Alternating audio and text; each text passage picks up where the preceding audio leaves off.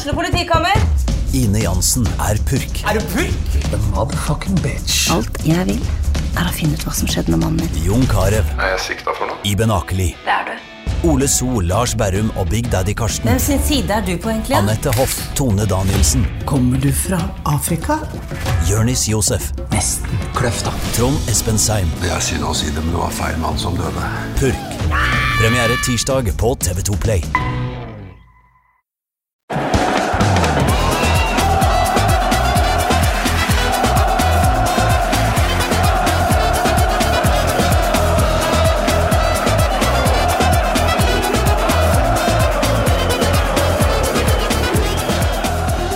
Hjertelig velkommen til en ny episode av Pyro og Pivo. Mitt navn er Morten Galaasen, og i dag så skal jeg oppfylle en eh, hva blir det, seks år lang drøm cirka. Det er så lenge jeg har drevet denne podkasten. Jeg skal nemlig snakke med en som har spilt fotball, og det ganske nylig, i Tyrkia. Og ikke bare det, han er faktisk regjerende tyrkisk ligamester. eh, Selv om jeg egentlig ikke setter så stor pris på at han er akkurat det, da. Uansett, velkommen skal du være, Anders Tronsen. Jo, tusen takk for det. Hva Ja, eh, jeg kledde meg for anledninga i dag, jeg. Ja. Åssen er det å sitte som eh, eks-Trabzonspor-spiller og se rett inn i en Fenerbahçe-logo? Nei, det er ikke det som, eh, som er mest populært i, i byen der, så jeg tror du skal holde deg unna Trapson med, med den, by, den der genseren der, altså det er jeg ganske sikker på. Ja, det tror jeg også. Og det er jo en av mange ting vi skal, skal gå litt inn på etter hvert. Men uh, først og fremst, du, er, uh, du, du, hadde rett og slett tid, du. Uh, midt i altså Champions League-dager og sånn, til å ta deg en tur inn til Oslo for å, for å prate med meg? Ja, det må smette inn det man, det man kan, vet du. Nei, jeg er jo på en liten visitt i, i, Norge nå, ettersom jeg er ferdig i Tyrkia og, og trener meg opp igjen her i Norge. Mm. Åssen har det vært å um, holdt på å si, frislippes helt? Nei, det har vært uh, sånn situasjonen ble til slutt uh, nedi der, så har det egentlig vært ålreit. Uh, det var best for begge parter. det er jo så strenge kvoter med tanke på utlendinger og den Mm. biten der nede der, og de endrer regler hele tiden, så jeg kom jo skadet inn i preseason som et par andre store profiler der, så vi ble jo egentlig bare satt på, satt på sidelinja fordi vi rakk ikke de første seriematchene, og pga. VM i Qatar så starta jo selvfølgelig serien litt Mm. en måned før i tillegg, så, så når du ikke blir registrert for kamptropp uh, nede der, så Da er det kjørt. da er det kjørt, og som reglene sier, så har du ikke lov til å ha utlendinger utafor kamptropp. Mm. Uh, og da må de betale bøter, og da er det like greit å bare betale spillerne ut av kontrakten.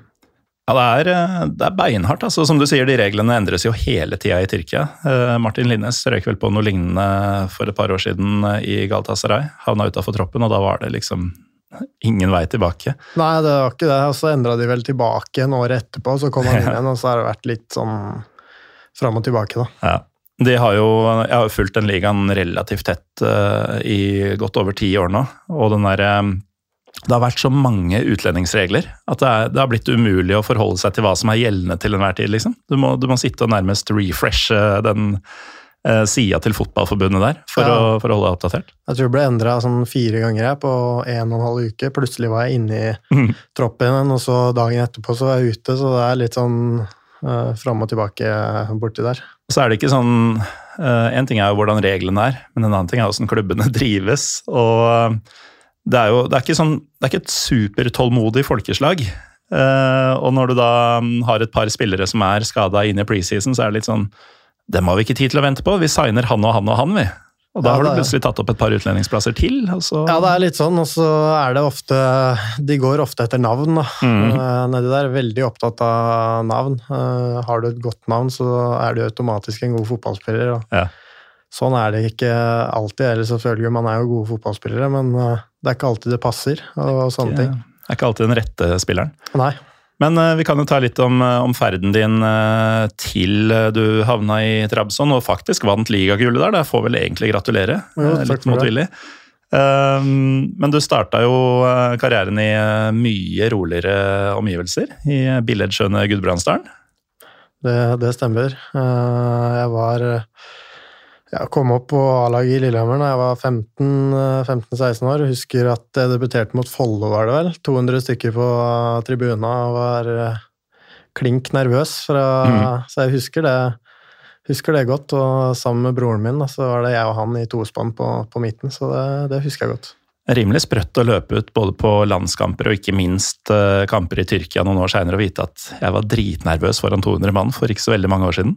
Ja, det er det som er litt rart, er at uh, man er jo Det er den samme følelsen uansett. 200 stykk uh, da var, var som 40 000 nå, så mm. det, selvfølgelig, man blir jo vant til det etter hvert, men du vil alltid ha den der kriblinga. Hvis ikke, så er det bare å gi seg med en gang.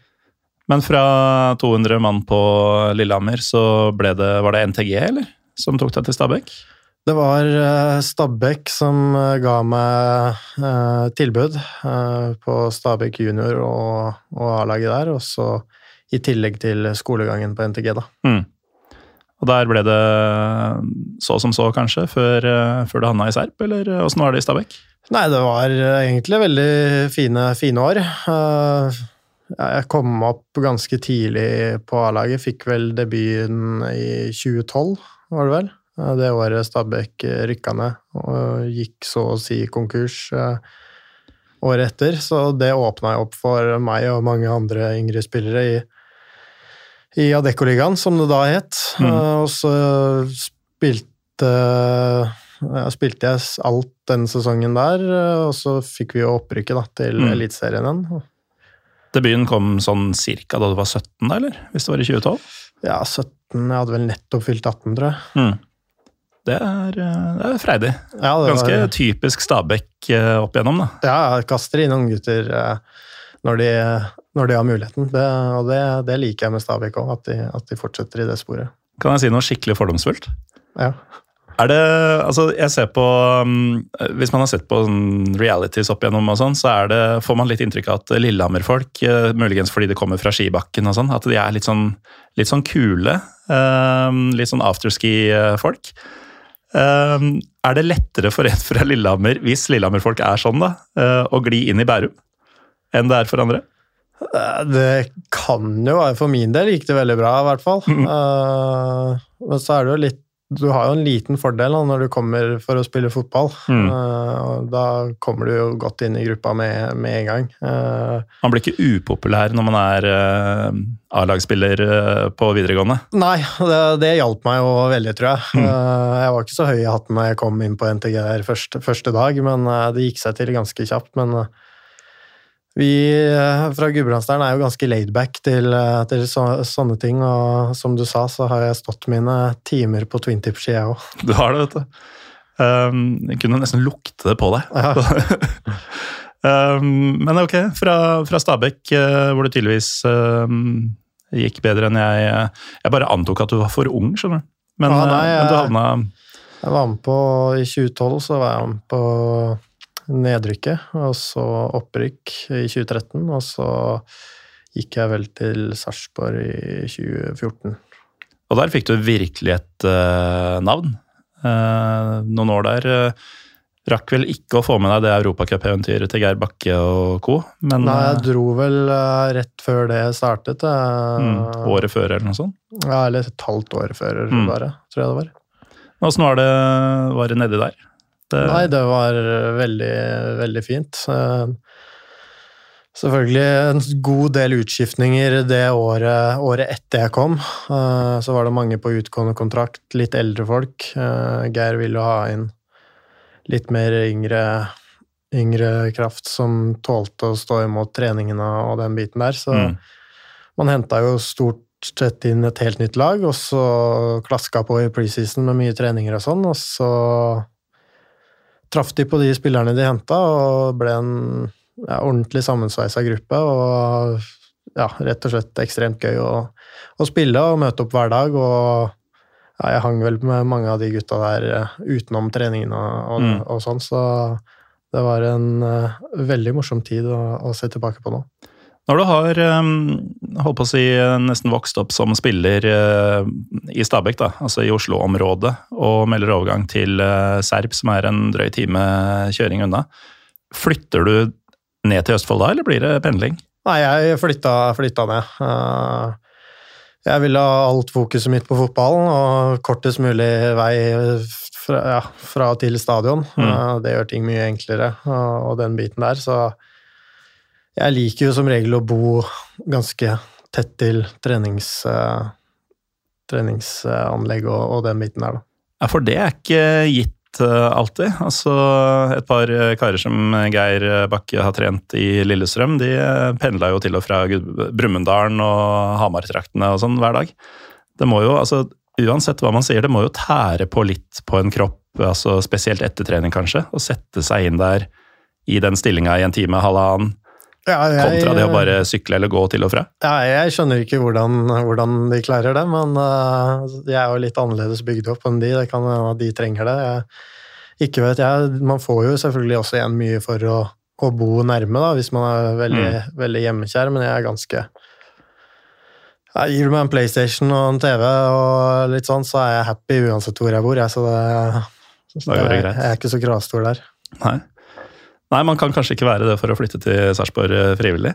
Nei, det er ikke det. Jeg har jo litt familie fra Sarpsborg, faktisk, så jeg har vært der et par ganger før. Mm. Men eh, det var ikke den mest spennende byen, det var det ikke. Det skal jeg ikke legge skjul på, men man fikk konsentrere seg om fotball og den biten der, så det var viktig, viktig det på det området så, mm, så, fikk du virkelig konsentrert deg om fotballen. For det, det ble jo tatt ordentlige steg i, eh, under de åra du var i, i Sarpsborg. Hvem var det som var treneren din i, i Stabæk, forresten? Eller var det kanskje flere? Ja, det var eh, Når jeg kom, så var det vel Jørgen Lennartson. Lite i 2012. Mm. Og Geir Bakke var vel assistent. Og så gikk Geir til ja, Hvem var det, da? Ja? Nå husker jeg ikke farten, uh, men han endte i hvert fall opp i, i Sarpsborg. Da. da var mm. det Bob Bradley som var trener når jeg dro fra Stabæk. Så var det Bob Bradley som var trener i, i Stabæk, da.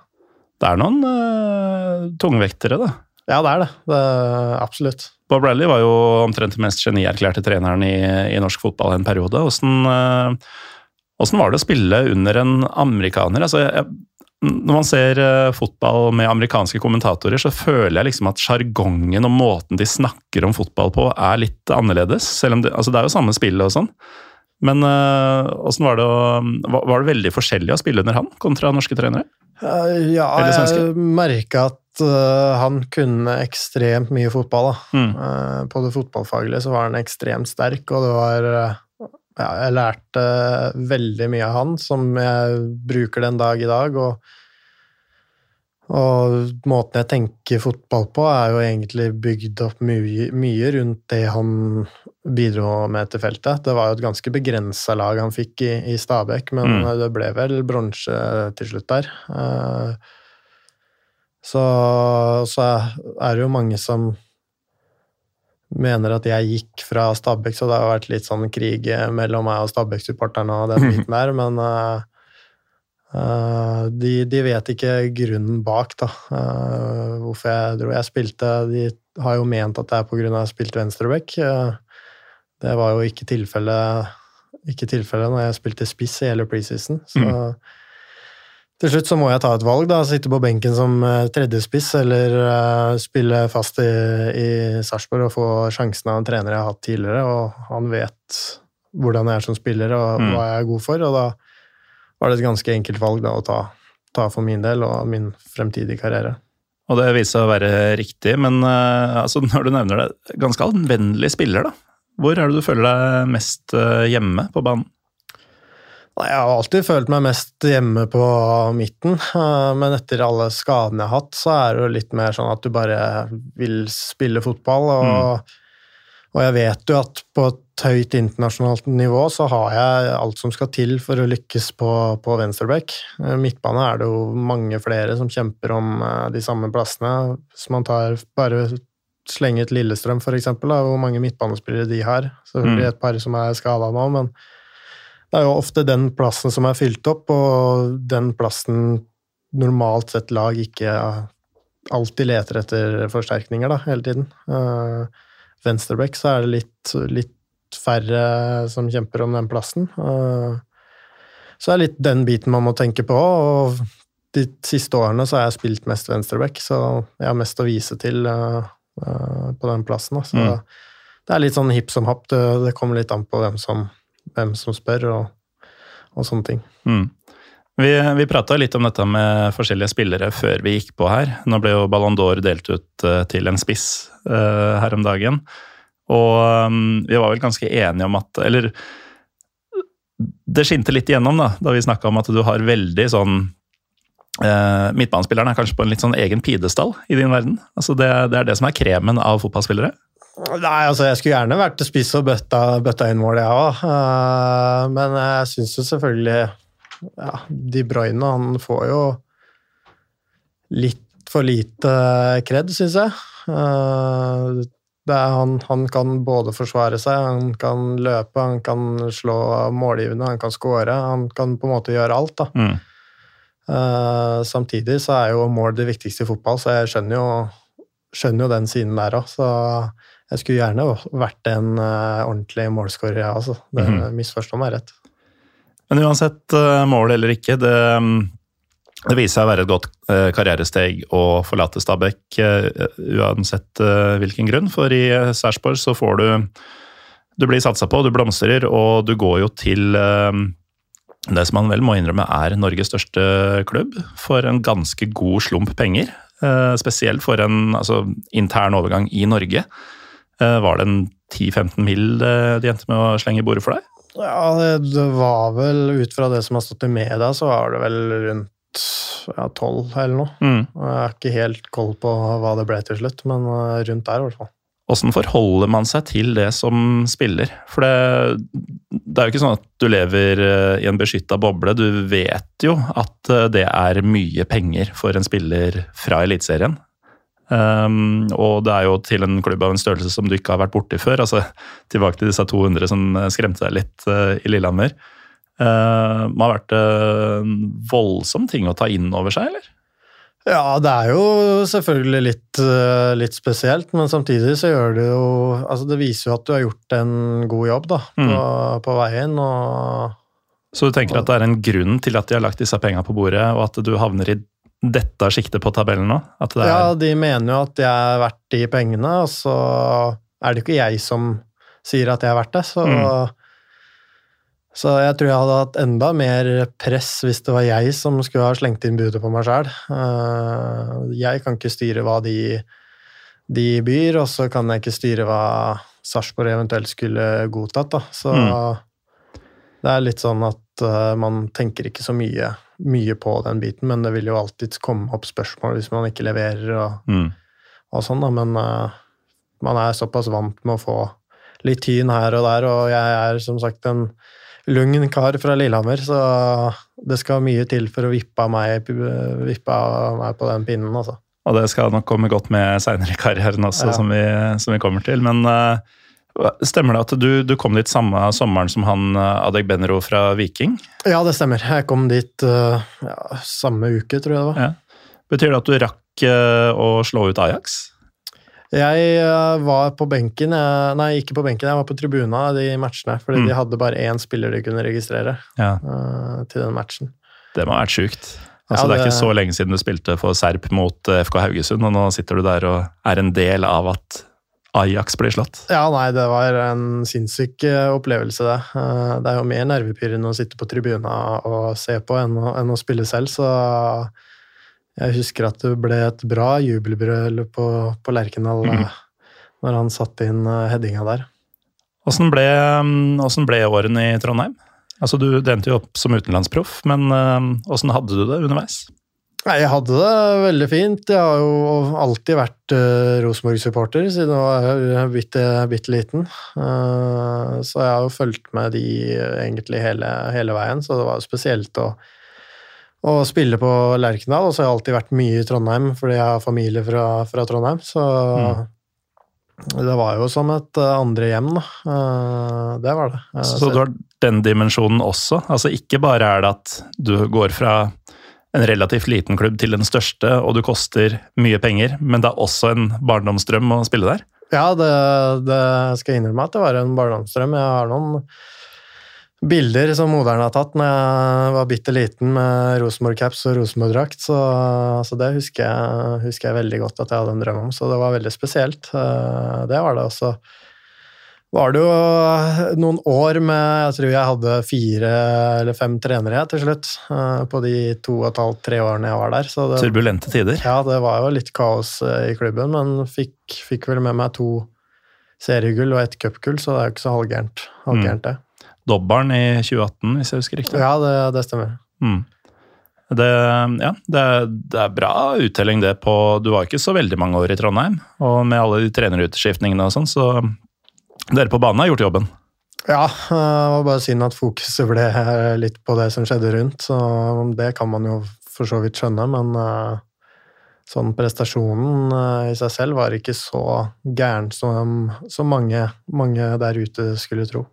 Dette er sånn cirka Kåre Ingebrigtsen-perioden, er det ikke? Ja, jeg kom, det var han som henta meg til, mm. Eh, til Rosenborg. Mm. Og så dukka det opp både den ene og den andre. og eh, Altså, nå, nå trenes jo Rosenborg av en fyr som man tenker veldig lite Rosenborg-DNA uh, i Kjetil Rekdal. Uh, var, uh, altså var det store forskjeller på dem du trente under når det gjaldt hvordan Rosenborg skulle framstå og spille og sånn? Ja, det var ganske stor forskjell. Eh, etter Kåre så fikk vi jo inn en Rini Kolen som er mer sånn possession-basert. Mm. Eh, og sånn, og vi spilte jo egentlig veldig god fotball. Det var vel min beste tid eh, i, i Rosenborg, og det resulterte jo at det kom et ålreit uh, bud fra Serie A, uh, som da ikke ble godtatt. Da. Vet du hvilken klubb? Ja, Atalanta. Oh. Det hadde vært fett. Da de uh, slo igjennom i Champions League. Mm. Så det var jo min beste periode, fordi da kom det en litt type fotball som passa meg veldig bra, med litt lengre angrep. Uh, mm. Og da blir jeg også mye mer synlig, fordi jeg får ballen mye mer og kan slå litt oftere og flere uh, kreative pasninger, da, som var min styrke i, i Sarpsborg. Uh, så da kom jeg litt mer til min rett, og så ble det jo noen nye trenere med Hornland og, og Karl Oskar Embeland. og da, De har jo vært i Haugesund, så da blir det igjen litt mer eh, lengderetning og krig. Som ikke nødvendigvis Funker så godt der oppe? Funker så godt, godt, der oppe, selv om eh, vi gjorde det ålreit da òg, med å nesten komme til Champions League. Uh, Tapte vel med ett mål mot Dinamo Zagreb, mener jeg å huske. Uh, sterkt Dinamo-lag også? Ja, veldig sterkt. Uh, så det var vel det laget ja, han Olmo, Daniel Olmo spilte jo der, og, mm. og mange av de ordentlig gode gutta der, så det var et godt lag. så det var ikke helt krise da, men det svingte mye mer, mer av oss da ja, folk syns ikke vi nødvendigvis var så sexy å se på. Men apropos sexy å se på, åssen er forholdet ditt til italiensk fotball? Altså Dette Atalanta-budet klarer jeg ikke helt å la ligge. Nei, det, det, var jo selvfølgelig noe jeg hadde veldig lyst til. Samtidig var det et tidspunkt i Rosenborg som var veldig krevende for Rosenborg som klubb, ettersom det var veldig mange skader på midtbanen. Så jeg var vel den eneste A-lagsspilleren som var tilgjengelig. Mm. Og det i en periode hvor man kjempa om Europaligaen. Eh, så jeg kan jo også skjønne dems, eh, dems side av saken, men selvfølgelig så er det jo en eh, mulighet man ja, Hadde man gått tilbake igjen i tid, så skulle jeg gjerne ha tatt, fått den muligheten. Altså det, og det tror jeg de også angrer litt på den dag i dag, men sånn, sånn er nå fotball. Det, mm. Man vet aldri hva som skjer, og jeg kan ikke drive og tenke for mye på, på den biten der nå uansett. Nei, og ut av landet skulle du komme, men til, eh, til noe ganske annet enn Serie A. Altså, nå kommer vi jo til, eh, til det jeg gleder meg til, nemlig Trabzonspor. Av alle ting. Og eh, kan du begynne med åssen var det du havna der? Altså, Veit du åssen du havna på deres radar? Jeg hadde vel vært Jeg visste at de hadde vært interessert ganske lenge. Og så kom jo Sørloth til klubben i tillegg, og så forhørte de seg med han og meg og den biten der, og så leverte jeg jo veldig bra i Rosenborg de 13 matchene jeg spilte før jeg dro. Eh, og da hadde jeg ikke så lang tid igjen av kontrakten min i, i Rosenborg, da, så jeg ble solgt ganske, ganske så billig, og så ja, var det en mulighet som eh, jeg følte var riktig, og Trabzon virka veldig gira på, på å få meg, da. Så sånn endte, endte det. Når man hører eh, om sånn overganger i startfasen, så leser man gjerne i mediene sånn Han har nå dratt til klubben for å se på forholdene. Eh, var, det, var det en del av din uh, tur dit? Altså var, du, var du nede og kikka på fasiliteter og by og snakka med klubbledelse og sånne ting, eller funker det litt mer sånn digitalt og går det kjappere i disse dager? Nei, det da var det egentlig ganske mye sånn stress rundt nede i Tyrkia der, for det var vel ikke så lenge igjen av overgangsvinduet, mener jeg å huske. Mm. Samtidig så hadde jeg jo en veldig god kompis av meg som spilte, spilte, der nede, så jeg forhørte meg jo selvfølgelig mye med han og, og den biten der, så jeg følte ikke at jeg trengte å dra ned for å se på, se på Det var en mulighet jeg ikke kan si nei til uansett. Stole på Sørloth? Ja, og når en toppklubb i Tyrkia kommer, så kan du egentlig ikke si, si nei til det. Det er, en, er, noe man gjerne vil oppleve. Men hva, hva visste du om Trabzonspor uh, før, uh, før, budet kom? Og før du skjønte at det bar dit? Nei, jeg visste jo at det var en, en stor klubb, da. Uh, det visste jeg. Og jeg vet jo hvor sinnssyke fans de største klubbene i Tyrkia har. Mm. samtidig så fikk jeg jo vite mye fra Sørloth, som som snakka veldig varmt og godt om de. Så mm. Eh, jeg kunne jo en god del om de, og hvordan treningshverdagen og all, all den biten der så ut, så jeg var ikke i tvil uh, en eneste gang. Og så er det jo um, det er, jo en del sånn fordommer uh, sikkert rundt omkring i verden, men i Norge også, da, knytta til tyrkisk fotball. altså Man hører jo uttrykk som bakgårdsliga, de betaler ikke spillerne og osv. Var var det liksom sånn Dette skal jeg gjøre, eller var det, liten, var det en liten stemme i bakhuet som, eh, som, vurderte noe annet? Så lenge det var en toppklubb, så er det egentlig ikke noe tvil. Eh, hadde det vært eh, litt lavere eller mindre klubber, så hadde jeg mm. vært litt mer skeptisk i forhold til den betalingsbiten, men storklubbene de pleier som regel å betale i hvert fall innafor Fifa-reglene. Så mm. Så du får pengene dine uansett, ellers så riker du ut av diverse uh, cuper, og, og det, vi, det, er det jo ingen som tjener på uansett. Men uh, du nevnte jo at du visste at uh, det er ganske sprø fans nede der, og Trabzon er jo blant de virkelig Altså blant de galere i, i Tyrkia også. hvilken rolle spiller det for deg? Altså, Forholder du deg helt profesjonelt til jobben, eller tenker du sånn dette er en kul bonus? Ja, Man holder seg, man tenker jo selvfølgelig på prestasjonene, uh, først og fremst. Men uh, det gir jo litt ekstra når man vet at det er en uh, ja, atmosfære som man ikke nødvendigvis får oppleve så mange andre steder. Det, det, gjør det jo. Så det var egentlig en bonus, og jeg er jo en som liker god trøkk på, på matchene, så da får jeg ut ja, mer av potensialet mitt også. For Sørloth han leverte jo noe voldsomt der, og han kunne sikkert fortelle at hvis du først er inne i varmen, da, da betaler du ikke for mye hvis du møter noen ute på gata eller på restauranter og sånn. Altså det, den heltestatusen man kan få eh, hvis man gjør det bra, og tilsvarende for så vidt eh, ja, eh, dritt under skoa-status du kan få hvis du ikke gjør det, eh, den tror jeg er helt unik omtrent. Ja, uh jeg tror ikke det hadde vært så gøy der nede hvis det hadde gått ordentlig, ordentlig dårlig. Uh, det tror jeg ikke. Uh, men som du sa, så er det ikke mye man trenger å betale for, nei, hvis, uh, hvis, det går bra. Det var jo en Jeg bestilte meg vel en burger etter en match, og da fikk jeg den på, på huset fordi, vi, fordi vi, vant, da, så Og så skal du helst gå på de litt finere restaurantene, ikke at det er så mange av de i Trabzon, men et par av de fine restaurantene. Ellers så kan du risikere å ende opp med å ta bilder hele, hele kvelden. Så det er litt det er litt forskjell fra, fra gode Norge, gode, lune Norge til, til Tyrkia. Det, det, er det så absolutt. Ja, for jeg har jo jeg har vært en del på matcher i Tyrkia, hovedsakelig Istanbul.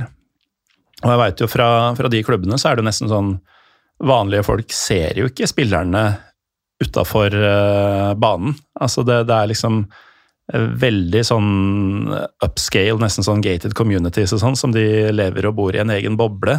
Uh, og det å treffe en spiller på gata eller i matbutikken eller noe sånt, det, det bare skjer ikke. Det er jo dagligdags i de norske eliteserieklubbene. Um, og nå er jo Istanbul det er holdt på å si lettere å gjemme seg bort der. Det er jo en av verdens største byer. Men Trabzon er jo sånn type 400 000 i selve byen. altså Den ville vært en stor norsk by, men ikke så mye mer enn det. Um, jeg vil jo tro Altså, hvordan er Trabzon som by? Nei, Den er jo ikke den mest spennende byen. Det, det er det ikke. Uh, men det er et uh ja, de er veldig entusiastiske med tanke på fotball. Mm. Eh, det er liksom det de har der, eh, så de er veldig stolt over det. Mm. Eh, så hvis man kommer til den byen, så ser du jo bare Trabzonspor-flagg overalt. Spesielt nå etter vi vant, så henger det ja, champion-flagg rundt omkring rundt hvert gatehjørne. Trafikklysene har jo en liten pokal inni seg, så rødt Altså grønt, når lyset blir grønt, da, så lyser det på en måte en pokal, da. Så alt handler om fotball her, da. Ja. Uh, og når det er et så stort lag i en så liten by, så blir det jo selvfølgelig litt uh, vanskeligere å gjemme seg. og Derfor blir det til at mange av spillerne holder seg hjemme. og oppsøker de stedene hvor det er minst folk, da, hvis man skal ut og, ut og spise. Det, mm. Vi kunne jo ikke feire gullet, f.eks. i i Trabzon. Det, det, måtte vi gjøre i Istanbul. Ja, Det, det hadde jo ikke vært uh, trygt. Uh, og det var jo fortsatt um, Vi kom jo dit, men det var jo fortsatt koronarestriksjoner og sånn da dere vant gullet. Uten at det ser sånn ut på bildene. Men du kommer altså til, til Trabzon, en by som har et fotballag, en havn og, og, et kloster, egentlig, som er verdt å, verdt å nevne. Ellers er det veldig lite. Og um, du kommer jo da til den Altså inntil 2010 så var det den eneste klubben utafor Istanbul som hadde vunnet seriegull. Men det var, jo, altså det var, jo, det året jeg ble født. Det er jo evigheter siden. Mm. Uh, og de, de, mener det jo ikke selv. Jeg vet ikke hvor mye du har hørt om det såkalte seriegullet i 2011. Hvor mye de snakker om det der. De har ikke snakka så veldig Jeg har sett at det har vært noe sånn uh, Når de har hatt opp sånne bannere og sånn, så har mm. det stått liksom hver gang de har vunnet, og så har det stått, 2011 har. Og så har det stått et spørsmålstegn bak 2011. Ikke noe pokal, men bare et spørsmålstegn. Mm. Så de sa vel også nede der at det er vel 38 år siden sist da, de, mm. de vant. Uh, ja, det har gjort sitt for å få anerkjent 2011. Eh, det er jo da det endte jo likt på poeng med Fenerbahçe. Eh, Tapte da gullet på innbyrdes oppgjør. Men i kjølvannet av den sesongen så ble det rulla opp en sånn matchfixing-skandale. Hvor det Fener har til slutt, etter veldig mye om og men over veldig mange år, eh, blitt eh, mer eller mindre frikjent og, og får beholde det gullet eh, offisielt. Men eh, altså utenom ansatte i klubben som sikkert må si noe eh, i tråd med, med, forbundsregler og sånn, så finner du ikke et menneske i Trabzon som mener at det ikke ble seriemester i 2011. Nei, og det gjør jo til at de kampene eh, mellom Trabzon og Fenerbahçe også blir eh, litt uh, ekstra ampert. Mm. Og det Jeg var jo med på den i fjor, og det var jo ja, sinnssyk stemning, og vi ble jo kasta alt mulig mulig ting et, eh, etter oss, da, med mynter og lighter og vannflasker og hele pakka, så det var jo livsfarlig å gå rundt uh, banen der en periode. Ja, For du spilte den i Istanbul? Bortekampen? Spilte den, uh, Jeg satt på benken i den matchen når du skulle gå opp til oppvarming, da, så det var jo livsfarlig, fordi det ble jo kasta svære mynter, og de kommer jo fra høyt oppe på tribuna, ikke sant, så mm. de får jo en ja, det er, jæklig til fart på seg, så det er ikke bare bare å få den i, i huet, så eh, Det er jo Merker jo at eh, ja, her i Norge klager de over pyro og, og at det kommer en tyggis etter deg. Da skulle Ja. de jaggu meg vært nede der. og Et vannbeger i papp og sånne ting. Ja, og det var en spiller faktisk som tok opp en lighter og smelte tilbake. En, mot. Han fikk ikke noe utestengelse, han, så det er litt eh, det er litt tøffere kår der nede. Det, det er det. Det er jo det. Altså, jeg var jo på en kamp der i, um, nå i august, og da uh, var jeg der med ei dame som fikk uh, De gikk gjennom veska hennes på veien. Vi skulle, vi skulle ikke engang være blant de stående supporterne. Vi hadde langsideplasser, sitteplasser, på nedre del til og med. Uh, de romsterer litt i veska hennes, og der er det en leppestift på kanskje 4-5 cm. Den ble tatt bort for det kunne være en kastegjenstand. Altså, de, de er fullt klar over uh, Ja.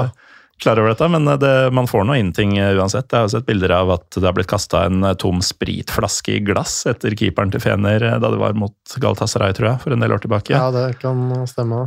Og um, jeg var jo også på Fenerbahçe Galatasaray for mange år siden, hvor en spiller um, Galatasaray-spiller brakk beinet, tror jeg. Altså Han ble, ble båret ut på båre, Ja. men da må du jo selvfølgelig bak målet.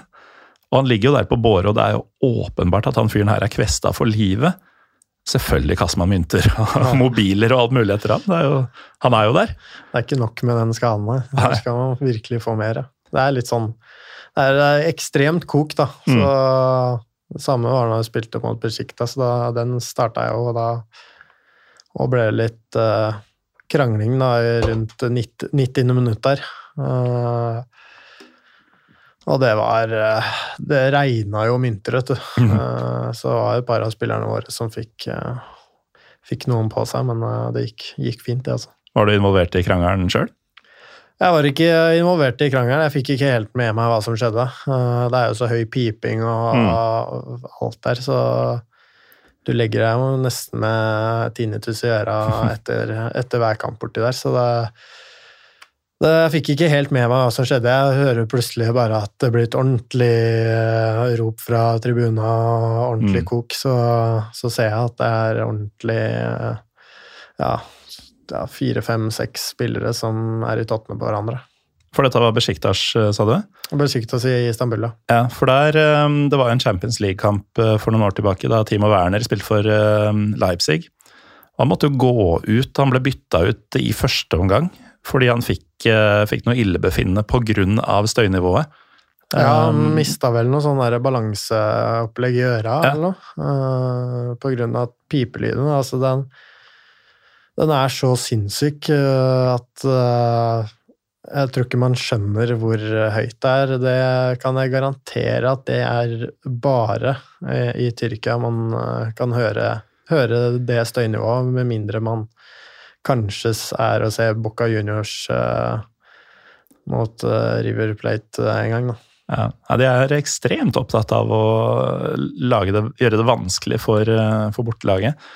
Um, men altså, Vi kan jo komme litt tilbake til det, men du fikk jo en ganske myk overgang på mange måter. da, For den første motstanderen din som Trabzon-spiller, i hvert fall i offisiell kamp, hadde du vært borti før. Ja, det hadde jeg. Det var Molde. Ja. eh, Så jeg husker jo den kampen ekstremt godt. Eh, Det var faktisk jeg som sendte de ut av, av turneringa også. Avgjørende straffe. Eh, Ja, så det husker jeg veldig godt. Så det var jo min første offisielle kamp etter en veldig alvorlig knes kneskade, så det betydde ekstra mye for meg. Ikke bare at det var Molde og at jeg er tidligere Rosenborg-spiller, men eh, at det viste at da var jeg på en måte tilbake igjen, i hvert fall fra den, den skaden. Da. Så, så det er jo ikke alle som kommer tilbake etter en sånn type skade heller, så jeg var først og fremst veldig happy bare for det. Ja, for det, det er jo dessverre en ganske stor del blitt av, av karrieren din. Eh, Et kranglete kne.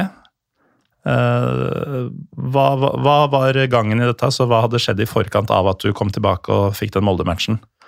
Nei, i forkant av det, så ja, To dager før Besjiktas i 2020, da, eh, skulle starte den kampen, eh, og så lander jeg feil på treninga. Ryker korsbånd og begge meniskene. Å, fy faen. Korsbåndet Korsbånd i seg selv er Det er jo bare å operere. Eh, mens eh, meniskene skal man jo helst unngå å skade for mye, da. Mm. Spesielt det ytre. Altså ytre menisk. Den tok jo jeg selvfølgelig også, så Så det ble litt syinger og litt uh, små fjerninger av den og sånn, og da blir jo plutselig skaden mye verre enn en, en, en, ren korsbåndskade. Uh, mm. Så det tok jo Jeg var vel på benken etter åtte, åtte måneder, åtte og en halv måned, og det er jo langt før, før skjema. Så jeg jobba jo ekstremt godt i den perioden, og så var jeg jo på en måte I sett i ettertid da, så var jeg ganske heldig at den sesongen var ferdig etter den kampen jeg satt på benken. Mm. Uh, så jeg fikk en og en halv måned ekstra pluss preseason før jeg uh, spilte igjen, uh, sett i ettertid. og da var det jo Molde da, som, som, kom, og det ble jo min første offisielle kamp når jeg kom inn i ekstraomgangene der da, på Aker stadion. Kom du inn fordi du kunne skyte straffer, eller var det andre grunner? Det er jeg litt usikker på. Eh, for det første så hadde vi jo så å si ikke hatt en treningskamp i preseason. Eh, så Molde var jo første, første match. Mm. Eh, ingen hadde spilt 90 minutter, og så ender vi med 120. Molde var jo i sesong og mm. kanskje sin beste form på det tidspunktet. Så det var litt at vi fikk ekstremt slitne bein. Samtidig så visste han at jeg var norsk, da, så han han spurte jo om jeg ville ta den avgjørende straffa når, når det kom til straffesparkkonkurransen, og da kan jeg ikke si annet enn å si, si ja, jeg. Nei. Når du sier han eh, spurte, det er da treneren det er snakk om? Ja, det er treneren. Treneren spurte om jeg var klar for å ta den avgjørende straffen. Altså. Og i, i Trabzon så spilte du bare under Abdullah Avje, eller? Jeg spilte jo Første så spilte jeg jo under han engelske. Eh, det var han som henta meg til klubben. Da hadde vi en svensk, svensk assistenttrener i tillegg. Mm. Eh, så var det jo Abdul Avci som kom når jeg var i Norge og trente meg opp igjen. Eh, så vi hadde noen FaceTimer og litt for å bli litt kjent. Og så mm. likte jo han meg veldig godt som spiller, da. Det var han jo ærlig på hele veien. Og mm. det viser jo også ettersom han har brukt meg så ofte, selv om jeg ikke har vært tilgjengelig så veldig ofte pga. store skader. Mm. Men ok, eh, tilbake til eh, det som er gøy med Tyrkia. Da. Eh, du nevnte jo både myntkasting og piping og sånn. Og det er jo helt sikkert mye individuelle forskjeller fra spiller til spiller og sånn, hvordan man forholder seg til det. Du har jo de som sier eh, altså Du har alt fra det som skjedde med Timo Werner, da, til dem som sier at nei, nei, jeg blokkerer alt ut og fokuserer bare på det på banen. Går det an å fokusere på bare på det på banen, når det er såpass crazy rundt deg? Ikke når, uh, ikke når det pipinga drar på så mye. Selvfølgelig, når du er involvert, så, er, så tenker du egentlig bare på Men det er litt den Når du får en sånn øredøvende pipelyd, da, så mm. Det er bare hvis du er på fjellet når det blåser ekstremt mye, liksom, så kan man miste litt den der retningssansen og mm. kanskje øh, den orienteringa der. Og det samme skjer jo når det blir en enorm pipelyd. Det er jo en grunn for at noen har brukt ekstrem høy musikk for uh, hvis det er noe torturgreier ja. på, på, filmer og sånn. Så det, det hemmer deg jo mm. uh, til en viss grad. Uh, samtidig så er jeg en person som er ganske flink til å ikke bry meg om, om sånne ting, da. Uh, så jeg tror mange flere enn meg ville ha slitt med å bli kasta utpå der og ikke nødvendigvis være i kjempekampform, mm. men allikevel prestere bra. Så det, så det har jo også hjulpet meg veldig mye, at jeg er god til å stenge ute de tingene der. Mm. Åssen um, er det? Altså man, Heldigvis, da, så uansett hvor, hvor, gal ligaen og hvor syk kampen er og sånn, um, i de aller fleste land, uh, selv de landene du kanskje ikke skulle tro det, så går det jo langt mellom hver gang du hører om en hendelse hvor, hvor det går utover sikkerheten. Men hender det at man tenker at shit, det her er jo faen ikke trygt, når du er i de heksegrytene der? Eller uh, klarer man å tenke at uh, folk veit hva de driver med? Nei, det er noen ganger man tenker Ja, i hvert fall når de begynner å kaste sånn mynter mot Besjiktas og Fenerbahçe der, så tenker man Altså, jeg vet jo ikke hva 50 000-60 000 må ha med inn på stadion, så plutselig er det noen større gjenstander som, eh, som kommer i hundre og helvete der òg, så det er jo det man aldri kan, kan Mm. vite, da, men vet jo ikke hva som blir kasta.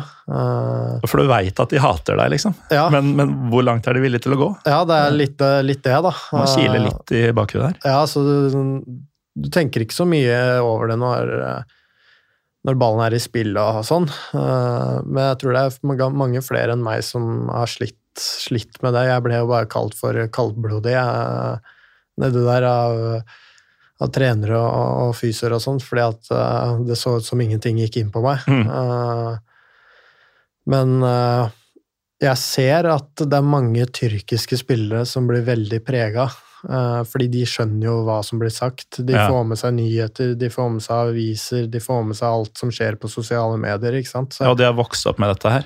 Ja, De veit hvor svært det er, og treffes kanskje på en helt annen måte. ja, er mer så jeg ser at det er mange som eh, bryr seg litt for mye om, eh, om det der. Spesielt av de tyrkiske spillerne. Eh, og så er det jo mange store stjerner da, som har vært borti det der Mm. før, som har spilt på ja, ikke nødvendigvis mer trøkk på tribuna alltids, men uh, mer press sånn i forhold til at klubben er større, det er Champions League og den biten der, da. Mm.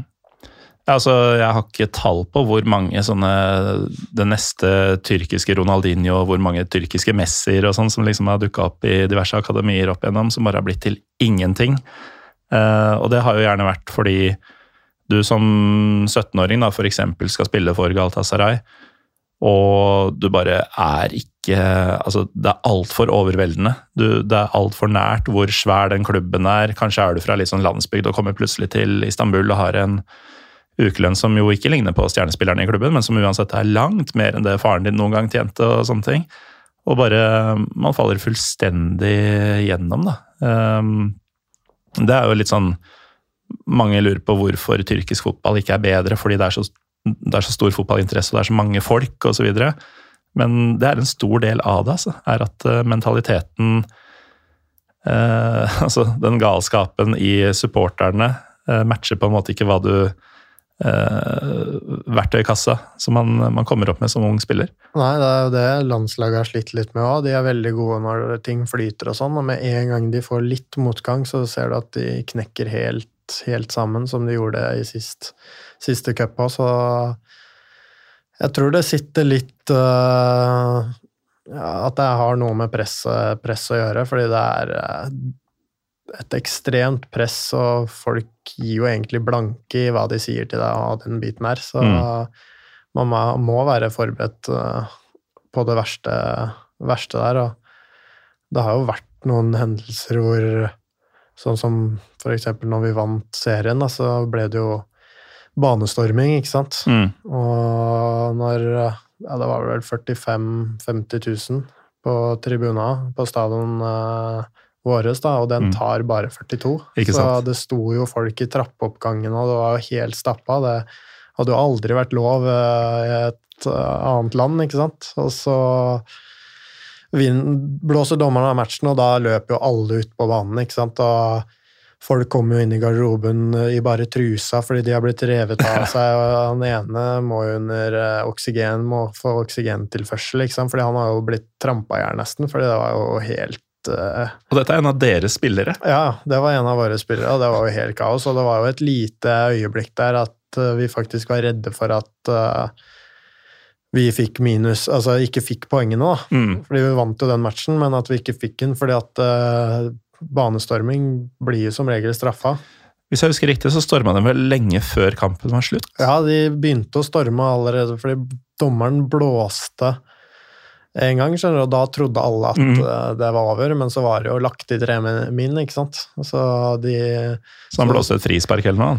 Ja, det blåste frispark, og vi spillerne måtte jo bare jage de opp på tribuna igjen. Og, Så det ble, gikk noen kule varmt for han ene tredjeassistentcoachen vår. Så han slo vel høl i benken og litt forskjellig, og fikk det kuttet på armen. Så det koker bra for de tyrkerne til tider. Det koker bra, ass. Men uh, hvis vi spoler bare litt tilbake her, så Så er det jo en preseason med ganske hektisk eh, overgangsaktivitet. Det er jo, du nevnte at jeg er glad i å hente navn tidligere. Uh, man henta jo blant annet Marek Hamsik, som eh, jo ville vært en av verdens største signeringer noen år tilbake, men han kom jo rett og slett fra IFK Gøteborg på den tida. Leverte varene så det sang, for øvrig. men det hvem andre var det du fikk inn i, i laget foran den sesongen? Det var jo Bruno Perez, da, som kom mm. fra Roma. Eh, så var det Hamsik, da. Han hadde jo vært i IFK fordi pga. VM, ja, var det vel? For å spille seg i form, rett og slett. Ja. Uh, Gervinho kom jo. Mm. Uh, fra Parma, var det vel. Samme Andreas Cornelius kom jo også fra Serie A. Uh, så var det Det var mange gode navn som kom inn, egentlig. det var veldig mye. Men på denne tida så er du sånn la oss si pluss-minus 25 år gammel. Um, og sånn som Skjervinjo og Hamsik, for eksempel, da. De er jo såpass opp i år at uh, du har jo vært ganske ung når du har sett dem herje i typ ja, Arsenal og Napoli. Åssen er det for en lungen kar fra, fra Lillehammer å plutselig være lagkompis med noen av disse du sikkert satt og Jeg vet ikke i hvor stor grad, men sikkert idoliserte lite grann uh, i, i yngre år? det er jo litt, litt, spesielt. Sånn som Jeg tenker ikke så mye over det der og da, men når jeg får litt ting på avstand, sånn som nå, da, for eksempel, mm. så kan jeg tenke til at det er jo ganske sykt at jeg har spilt med de, de navnene når jeg kommer fra Lillehammer. Uh, ja, vinner seriegull med Skjervinje og Hamsik. Ja, så det er jo litt, eh, litt, spesielt, det. Men det er først når jeg får ting på avstand at man tenker eh, over hvor langt man faktisk har kommet. Da. Når man er mm. i det, så tenker man ikke så Jeg har jo spilt mot Hamsik før, faktisk. Ja, det er noen år siden nå, men det var med landslaget, da. Mm. Uh, så jeg har jo møtt veldig mange gode fotballspillere opp igjennom ettersom Rosenborg har vært i Europaligaen, og jeg har jo spilt landslagsfotball mot Portugal bare en og en halv måned før de vant EM, ikke sant. Så, mm. så jeg har møtt mange gode navn, så det blir litt sånn at du bare føler at du er ikke blant de toppstjernene, selvfølgelig, men at du er ikke så langt unna da, når du mm. kan se Når du trener med de hver dag og, og sånn. Det er veldig små forskjeller mellom, som gjør at de er der oppe og, og sånne ting. Så det er jo det som er litt gøy med, med òg, at du får se hvor nærme man er da, eksempel, til å virkelig nå de, de største klubbene. Og så blir jo 21-22-sesongen en eneste lang triumfferd triumferd eh, for dere. Altså, det var vel folk som innkasserte gullet på deres vegne allerede i sånn type november-desember uh, i fjor. Uh, det gjorde jo selvfølgelig ikke dere, uh, Eyes on the Price osv., men uh, vitende om da, at det hadde gått nesten 38 år siden siste offisielle seriegull,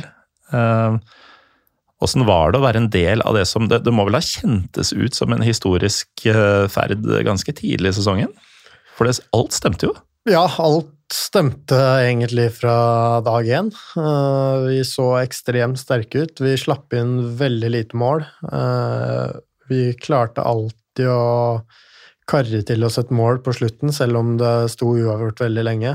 Så det var liksom en sånn sesong hvor alt gikk vår vei, og mye skulle gå galt hvis, uh, hvis det ikke skulle gå. Samtidig så sleit Istanbul-lagene ganske voldsomt i starten, så vi fikk en god luke all, ja, allerede etter 10-15 kamper så hadde vi en ganske god luke. og mm.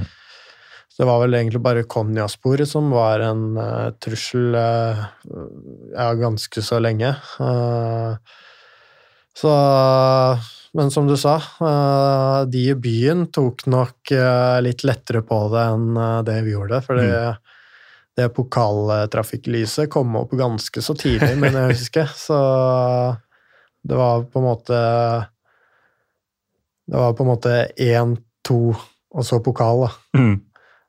Som fulgte lysene. Så de venta ekstremt lenge, og så var det vel en liten periode hvor, helt på slutten hvor det ble litt mange uavgjorter og sånn. At mm. det kunne være en liten sjanse for at uh, Ja, det teoretiske begynte å spille inn litt. Ja, sånn, uh, dette er faktisk ikke i boks. Nei, uh, så det var litt Da begynte det å koke litt, men så vant jo heldigvis den, den matchen der, da. Og det var jo Mm. derfor det ble litt sånn, når de storma banen, at man var litt sånn forbanna Ja. på at de faktisk storma banen så tidlig, da. Fordi det kan jo gjøre at eh, ja, Hvem var det vi møtte da? Det var vel Alanya-spor, tror jeg. Og så lenge de kan føle seg trua, så er det vel noe med at hvis de sender inn en klage, så kan, kan vi Ja, få trekk i poeng, da. Mm. eh, og sånne ting. Så, men heldigvis så gjorde de ikke det. Og, fordi de visste at vi kom til å vinne uansett, så det var på en måte ikke noe, Mm. noe vits, da.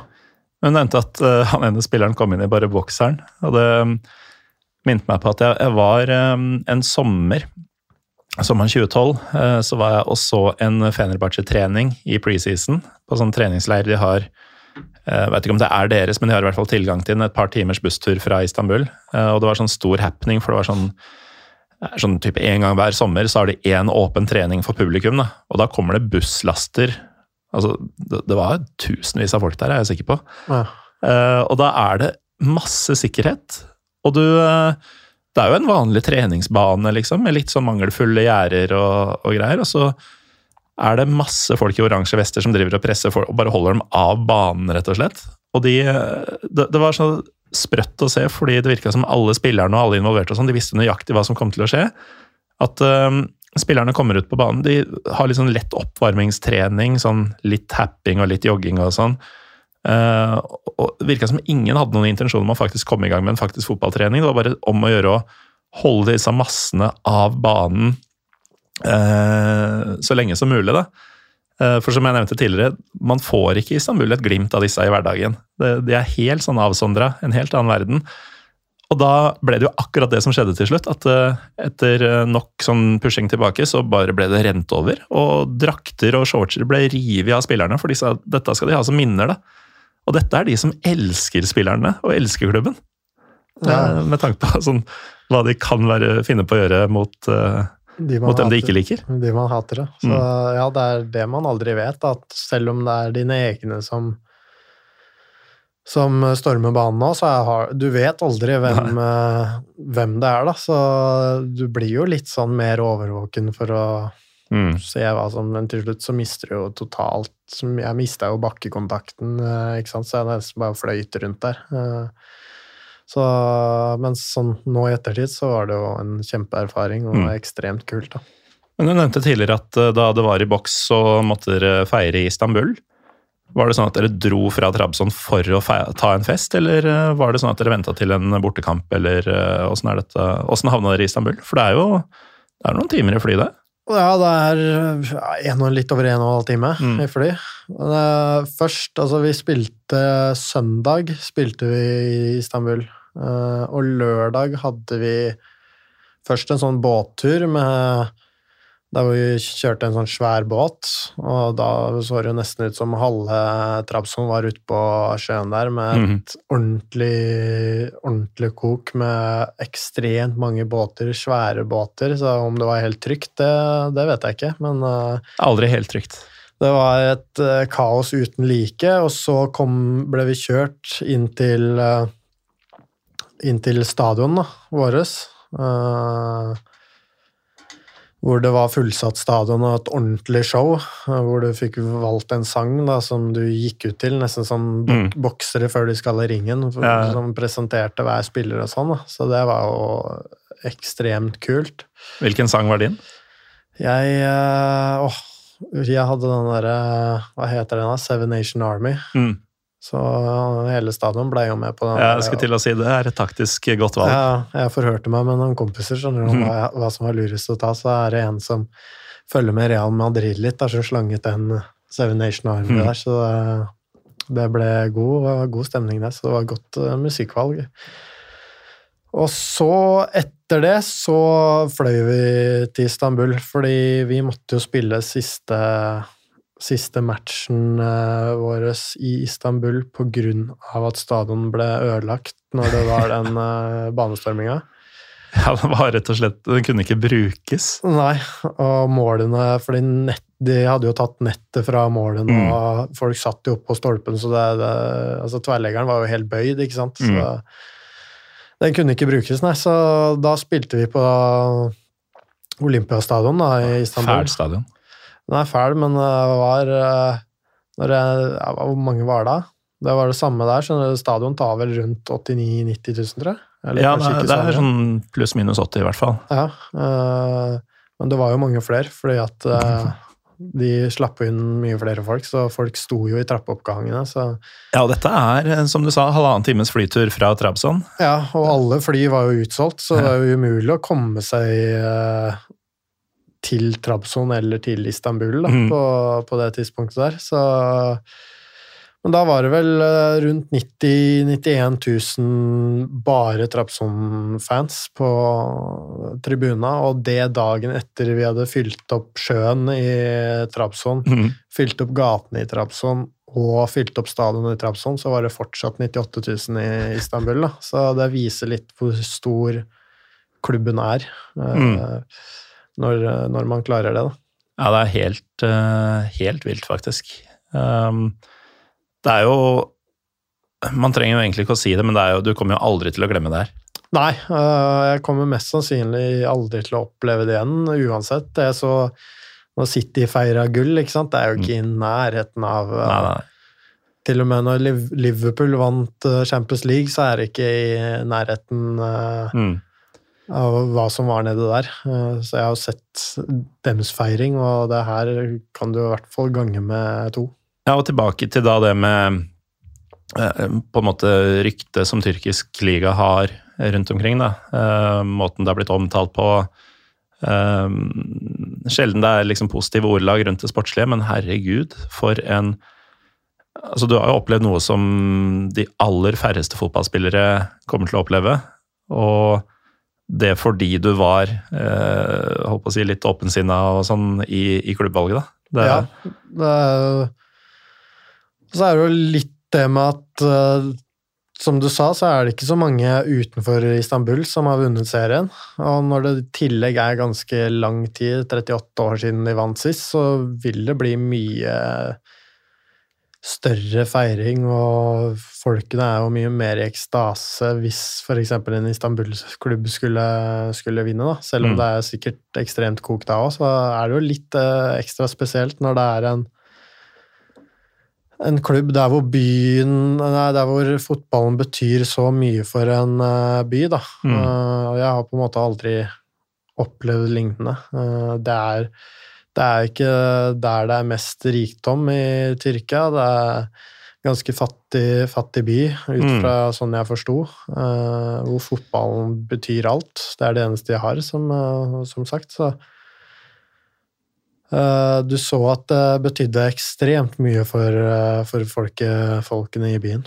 Ja, så um, dette er jo for, for dem som ikke vet det, så er det jo helt nordøst i landet, langs Svartehavet, og den Svartehavsregionen har jo egentlig Det er jo typ tre næringer. Det er fiskeri og hasselnøtter, faktisk, og te. Og Trabzon eh, er jo ikke størst på noen av disse feltene, tror jeg. Så det er langt fra den rikeste byen i det området.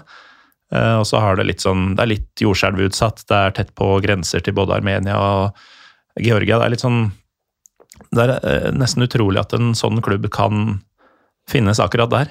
For det er- det er så lite som ligger, på, ligger til rette, da. Ja, det er det. Så det viser jo bare at det er mulig, da. Uh, uansett hvor, uh, hvordan det ligger, så er ting mulig i fotball. Og det er jo det som er litt sjarmen med det. Man ser jo det oppe i nord, nord i Norge òg, så er det jo et lag som eh, virkelig har fått, fått i gang nå. Så, eller hatt i gang det lenge, da. Så Mm. Men åssen uh, er du på sosiale medier? Fordi eh, der også er de ganske sprø, altså. Har du, har du kunnet ha f.eks. en Twitter- og Instagram-profil, eller har du bare måttet Ja, jeg har eh, Instagram, eh, Twitter Men jeg har skrudd av alle varslinger og sånn Ja. når, jeg, når jeg var der, så jeg gikk jo fra ganske ikke mange følgere til at det plutselig eksploderte helt, så Ja, det er ikke, de, de holder seg ikke til å trykke på følg-knappen. Det er Nei, jo det kommenteres med I Trabzonspor så var det jo blått, blått og rødt hjerte, da. mm, Alltid som ble kommentert, eller blå og røde farger Mm. uh, som ble kommentert. Uh, så det var greit å skru av varslinga, ellers så hadde du ikke hatt strøm igjen på telefonen etter en, et par ja, ti, ti min, kanskje. Altså, det er jo Det skal jo ikke mer til enn å, å nevne Trabzonspor i en tweet. Altså, Trenger ikke å ha sånn hashtag engang. Bare, det, det sitter folk som enten har noe sånn automatisk varsling på, eller hva det nå er. Altså, men man kan, eh, man kan plutselig bare rennes ned, altså vanlige folk som meg. uh, si et eller annet om en tyrkisk klubb, og så er det plutselig en haug med sånne der, vis skjulte svar, for de står jo gjerne på tyrkisk og sånn. De har kjørt noe gjennom Google Translate og tror de veit hva de har skrevet, og så får du noe tyrkisk tilbake. Um, så jeg kan bare forestille meg åssen det er å være spiller der. Ja, det er et, eh, et eh, voldsomt trykk. Heldigvis så forstår jeg ikke så mye tyrkisk, da, fordi det er jo veldig mange fans av motstanderlaget nå som skal prøve å psyke deg ned ved å skrive noe, noe som ikke er så positivt, og, og den biten der. Så det er mye, mye av den biten der òg, da. Eh, og det er der jeg tror det spiller inn mer for de tyrkiske spillerne som faktisk skjønner språket veldig godt. De får med seg absolutt alt av det der. Det er nådeløse greier. altså. Ja, det, Veldig mye mødre og døtre og søstre. ja, og det var jo en spiller på laget vårt som Da måtte jo faktisk klubben gå ut i media og si at fansen skulle roe seg, da. Fordi det var jo drapstrusler på både sønner og, og kone og alt som var. Eh, og da blir det jo litt over, eh, over grensa. Men sånn er det når det er såpass mange som interesserer seg, og det Mm. betyr såpass mye nedi der. Så er det ikke mye feil du skal gjøre da, før du får, eh, får noen mot deg. Og spesielt hvis det har noe med Hvis man tror du er over, over klubben. Mm. Ja, og som du har vært inne på flere ganger, det er, det er jo så mange, og selv de som er med deg, eh, eller som holder med klubben, da, du veit jo ikke hvem de er. Altså, plutselig kommer en sånn trussel fra en som faktisk er i stand til å gjøre noe ut av det. At det ikke bare er eh, raseri og tomme ord i kampens hete. Så mm, nei, kanskje flaks at du ikke, ikke skjønner så mye av hva som blir sagt der. Ja, det har vært eh, De sa i hvert fall det når jeg kom, kom dit, så husker jeg at uh, jeg ikke nødvendigvis trengte å lære meg så mye eh, tyrkisk, fordi det var like greit å ikke, ikke skjønne hva, hva de sa og sånne ting. Mm. Men uh, før vi avslutter, Anders. Um, det blei sånn ca. to år i, i Tyrkia? To og et halvt, eller? Ja, det ble ja, to, to sesonger ble det i hvert fall. Mm. Um, det, altså, disse, den skaden fra, fra tidlig oppholdet har jo, har jo prega noe av det, men du, du har jo vært en viktig brikke i, i laget. Uh, og spilt omtrent det du har ønska å spille selv. Uh, vært en viktig brikke i laget som vant uh, klubbens første gull på nesten 40 år. Hva har vært det kuleste med å spille for Trabzonspor, å spille i Tyrkia? Det kuleste, det er jo uten tvil uh, supporterne. Å oppleve den atmosfæren som det er på kampene. Eh, og selvfølgelig seriegullet var jo ekstremt kult. Og så var det jo eh, første ja, mot ja, første stormatchen, uh, når det var folk, folk tilbake igjen på tribunen. Mm. Start, I fjor så starta jo sesongen med at det var litt ja, 50% på kampene pga. covid. Eh, så husker jeg første matchen hvor det var fullt. Det var jo nesten som en cupfinale, ikke sant? fordi da var Mm. alle tilbake igjen. og sånn. Det husker jeg veldig godt. Så det er vanskelig å trekke fram ett, men eh, hvis man skal trekke fram ett, så er det jo den feiringa med, med gullet da, som, Mm. som er helt, helt sinnssykt. En annen ting jeg må spørre om, er jo Lærte du noen gang å distingvere mellom alle disse sporlagene dere møtte? Jeg prøvde å holde, holde litt styring på det, eh, men det er ikke alltid like, li, like lett. Eh, Spesielt når det kommer inn sånne cuplag som du møter i cupen som ikke er i øverste øverste divisjonen. Så det er mye, mye spor, da. Mye spor. Eh, Men det er jo litt samme som ballklubb eller fotballklubb da, i, i Norge, så Mm. uh, Men jeg prøvde å holde litt, litt kok på det, i hvert fall, så jeg tror jeg kom uh, sånn halvveis greit ut av det, i hvert Ja. Det var sånn at du skjønte at Eller da de sa nå skal vi spille bort mot Konjaspor, så skjønte du etter hvert at du ikke skulle til kysten. Ja, da skjønte jeg at det var litt mer midt i, mm. midt i landet der. Altså, samme med Sivaspor. Det, det er jo litt Der har jeg storma banen. Du har det? Mm. Det er mer de der i Istanbul, de der småklubbene utenfor Istanbul. Man er litt mer sånn usikre på hvor, Mm. hvor er og, og sånne ting. Ja, hvis man har et kart over Tyrkia og på en måte plasserer sånne pins på der klubbene er, så har du jo Du får ikke plass til alle i Istanbul-regionen. Og, så, og da er det jo sånn Ja, de er fra Istanbul, de er fra Istanbul, vi skal til Istanbul. Men så har du liksom ja, ja, det er ganske lange ti avstander andre sporer som er fra overalt i landet. Ja, det er ganske lange avstander i Istanbul òg, så Det er det er ikke Selv om det er i Istanbul, så ja, Hvor mange er det som bor der, da? 20 De veit ikke, skjønner du. Nei, uoffisielt så er det vel 25, da. Ja, ja så det offisielle er sånn ca. 15, og de tenker at det kan være opp til 25. Ja. Så, så det er svært. Jeg har jo noen fenervenner som um, skulle på en bortekamp i, um, i Manisa, ikke så langt fra Ismir, hvor du sikkert har vært og spilt mot Gøsteppe, f.eks. Um, og det er i utgangspunktet en ca. ni timers tur, da, for du må rundt det der Marmarasjøen. Det er ikke noe bruer eller noe sånt over. Og da kjører du da ut av Istanbul eh, østover, inn i landet. Og den dagen så hadde de brukt fire timer på å komme seg ut av byen. For det var, en, eh, det var vel en fredag eller noe sånt, så det er jo da i rushtida. Ja, Bare for å komme seg ut av egen by på det som i utgangspunktet er en ganske lang tur når du først er ute av byen, ja. Tok fire timer. Ja, det er eh, Mange av spillerne i Istanbul de har jo egen sjåfør, Mm. sånn at de kan sitte og slappe av i bilen i stedet for å kjøre sjøl, hvis det Ja. skulle være lange køer. Ja, men Det må du nesten ha, for den trafikken der eh, vil du ikke ønske å håndtere sjøl heller. Jeg tror ikke eh, Vegard Hedenstad spilte jo i Fatih Karagumruk. Han hadde jo Han hadde vel egen sjåfør, så vidt Mm. jeg skjønte. Ja, Det håper jeg for hans del. Eller han er fortsatt i live, så det hadde han Ja, tydeligvis. Ja, han hadde nok mest sannsynlig det, ja. Men øh, ok, det er en ting til som vi ikke har vært innom i det hele tatt, faktisk. Nærmeste nærmest vi kom, var da du var og kjøpte en burger og fikk den gratis. Men øh, åssen er du på mat- og drikkefronten? Fordi det er ikke et bakvendtland kulinarisk du har bodd i? Nei, mat og drikke. Det gikk mye i køfte, da. Køfte var jo det første jeg ble introdusert for, eh, husker jeg, når jeg ble, møtte presidenten for første gang. Da var det jo køfte vi fikk eh, servert, da.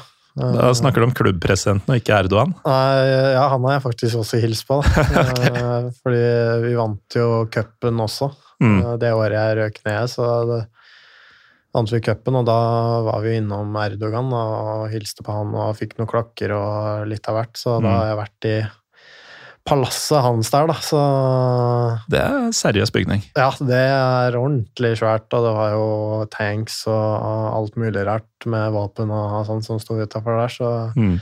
godt bevokta i hvert fall. Så, Forståelig nok. men det var ja. Men køfte, altså kjøttboller.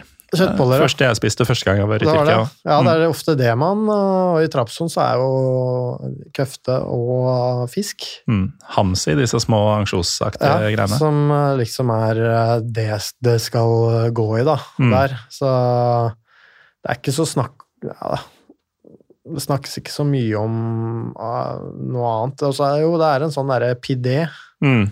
er det vel. Karadenis pide, altså svartehavspide. Det òg er de ganske kjent for der, da. Mm. Eh, Pizzaaktig variant. ja. Det er vel ish som pizza, bare en litt annen form, tror jeg. Mm. Uh, Det er de best uh, kjent for, så jeg var på noen fiskerestauranter der, så det, de kan, kan den fisken, altså. Mm. Men uansett, det var, eh, det var fotballen som brakte deg til fotballen som var fokuset, og du blei altså både, både cupmester og seriemester i løpet av den tida? Ja, uh, cupmester Jeg er litt usikker på om man får den, fordi da jeg var jo skada hele sesongen med det kneet. Uh, Du var fortsatt oppe og hilste på Ja, det, det var jeg. Det var jeg. Mm. Så Jeg vet ikke helt hvordan det er. Det kan jo hende at det bare er i Norge man må ha så og så mange antall kamper. For... Altså, du veit faktisk ikke om du er cupmester eller ikke? Har... Nei, det er jeg litt usikker på. Det må du jo finne ut av, da. Ja, Det er ikke så stas når du ikke har bidratt i det hele tatt, så da føler jeg ikke at jeg fortjener det. Så det er mer enn uh, det seriegullet jeg henger, henger høyest. da. Forståelig nok. Men øh, holdt på å si alt godt må jo ende, eh, både denne podkasten, men også din øh, tid i Tyrkia. Nå er du øh, i øyeblikket klubbløs. Hvordan ser du for deg videre karriere? Nei, Det er jo det å komme til en klubb da, som gir meg tid. tid og ro til å bygge meg opp igjen. Så mm. jeg kommer i godt gammelt slag. Uh, samtidig en klubb som ikke nødvendigvis er så strenge på å la meg gå videre. Uh, ja, for du skal ut igjen? Ja, for jeg, jeg, har jo Det som er litt min situasjon nå, er jo at jeg har prestert når jeg har spilt. Det resulterte i at jeg fikk være med på landslaget i november i fjor òg. Mm. Og det viser jo at jeg har vært god når jeg først har spilt. Da. Eh, så det er på en måte ikke nivået det skal stå på, det er mer at de skadene Jeg må få bukt på de skadene, først og mm. fremst. Mm. og da må jeg komme til et De har jo ikke de beste kortene på hånda, såpass ærlig skal jeg være. Så folk, eller klubber, er jo selvfølgelig usikre på hvor jeg står hen i forhold mm. til skadene mine og sånn, så mange av de vil jo gjerne se meg først. Mm. At jeg er tilbake og holder 90 eh, minutter på 90 minutter eh, uke inn og uke ut. Så En liten periode før de eventuelt skulle hente meg til noen større klubber, så er det litt det å finne hvilken klubb som kan hjelpe meg til det, da, og mm. ikke nødvendigvis krever en haug av penger for å, for å la meg gå, for jeg begynner jo å bli eldre, jeg òg. Ja. Du, um, du, har en stund igjen til, uh, til min alder. Ja, men, jeg uh, har, har, det. Men. men så har du også en litt annen uh, karriere enn meg. Men i mellomtida så holder du det gående, har jeg skjønt, med å trene med håper å si, opptil flere østlandsklubber. Så du får jo spille fotball, og du får vist deg litt her og der. Så... Ja, nå trener jeg med, med Lillestrøm, og det kommer jeg egentlig til å gjøre så lenge jeg ikke blir mm kasta ut da, av Geir Bakke. Nei da. Har en følelse av at uh, du skal fucke opp ganske bra med han etter, ja, etter alle åra dere har hatt sammen? Ja, jeg kjenner han veldig godt. Altså, så jeg setter jo veldig pris på at uh, jeg får, uh, får, bli med der. Og det er jo ikke gitt det heller, at man kan, kan slenge seg med på et såpass høyt nivå. så jeg er veldig takknemlig for at jeg får den får den muligheten der. Og selv om jeg ikke er med på hver trening, så er det det å få kroppen eh, i gang og, og komme inn i, inn i, det igjen. Eh, så jeg unngår sånne dumme, dumme ting. Og så får vi se hva som, hva som, dukker opp etter hvert, men det må være riktig for, for meg, og jeg må få tiden jeg trenger til å komme i form, og da må man finne den klubben som, som gir meg det, og da kan man ikke være så kravstor i, i valget. Det viktigste mm. er å vise folk at jeg er tilbake igjen. Nydelig. Um, lykke til, i hvert fall. Og um, tusen takk for at du eh, kom innom her i kveld. Jo, takk for at jeg fikk komme. Og det er jo åpenbart at du passer kroppen, for du takka nei til, eh, til Pivo. Ja, det ble ikke noe, ble ikke noe øl på meg, nei. nei. Det, det, ikke, ikke, i hverdagen, i hvert fall. Bare, bare så fremtidige arbeidsgivere dersom eh, Det er jo helt sikkert masse klubber som hører på denne tullepodkasten her. Det er jo faktisk uh, noen steder hvor det kan drikkes øl eh, dagen før match for å roe nervene. Jeg har mm. hørt noen historier fra Tyskland og sånn. Så, ja, Tyskland tror jeg Tyskland. øl er ganske vanlig. Jeg var jo på var på opprykkskampen til Union Berlin for noen år siden. Ja. Og det er jo kanskje fire minutter etter sluttsignalet, så står jo um, Sebastian Polter, altså toppskåreren, eller i hvert fall en av hovedangriperne, da, står og drikker fra sånn herre Må ha vært en halvmeter langt eh, glass, ja. sikkert en liter øl i det. Bare bælmer i seg i full drakt. Altså det, det var så vidt kampen var over ja. før han hadde en pils i hånda. I Trabzon er det lite med alkohol, da. Mm. Da må du på de mer internasjonale stedene. Men uh, de er jo en øltype der, da, som EFES er det vel. EFES, ja. Kompisene mine drev og kasta i seg det når de var der nede og så på match, i hvert fall. Ja, for du hadde, du hadde norske kompiser eh, på besøk? Ja, jeg hadde det. De. Og han er jo vant med Liverpool, og Anfield, han ene. Og Han andre er jo Arsenal, har vært der mange ganger, men eh, Byene Liverpool og, og London kanskje mer spennende, men eh, de må ha fått litt av en følelse da de var inne på stadion her. Ja, de husker eh, etter matchen så var de ganske eh, runde i øynene på at det var så mye trøkk, og det er en som har vært og sett på stormatchen i, i Liverpool, så det er eh, Han ble overraska over at det var såpass bra, altså. Mm. Det er det, og nå er det jo stadig færre covid-restriksjoner. Eller nå har det ikke vært en greie, egentlig, i store deler av Europa på veldig mange måneder. Sesongen godt i gang. Ehm, Folk bør vel ta en tur til Tyrkia hvis de ikke har vært der, og få med seg litt fotball, synes du ikke det, Anders? Jo, det, det syns jeg. Hvis du vil oppleve ordentlig trøkk på tribuna, så må dere se enten Fenerbahçe eller Trabzonspor eller eh, Galatasaray Fenerbahçe eller Mm. Besiktas. Ja, alle de topplagene der kommer til å være eh, kjempetrøkk uansett, så så hvis man velger noen av de, så skal jeg ja, vedde ganske mye på at eh, det er en opplevelse for livet. Ja, det, det skal mye til for at det blir kjipt. Ja, Med mindre det- du blir tåregassa, som, Ja, det kan også så, som også kan skje, da. Men, eh, men det også er jo noe å fortelle barnebarna. Ja, det er jo det.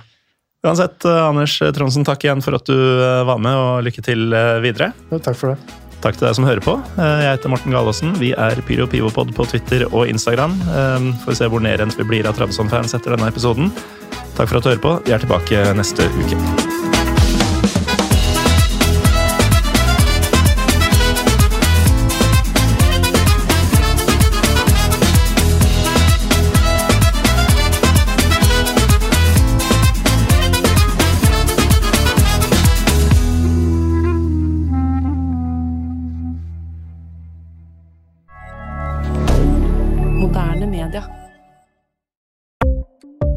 Ukens annonsør er HelloFresh.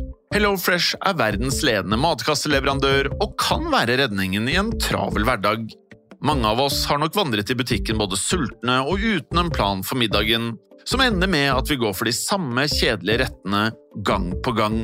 Middag burde være dagens høydepunkt. Som HelloFresh kan du nå velge mellom 25 ulike retter hver eneste uke, eller få HelloFresh til å sette sammen menyen for deg. Dette gir deg muligheten til å prøve nye og spennende retter alene eller sammen med familien.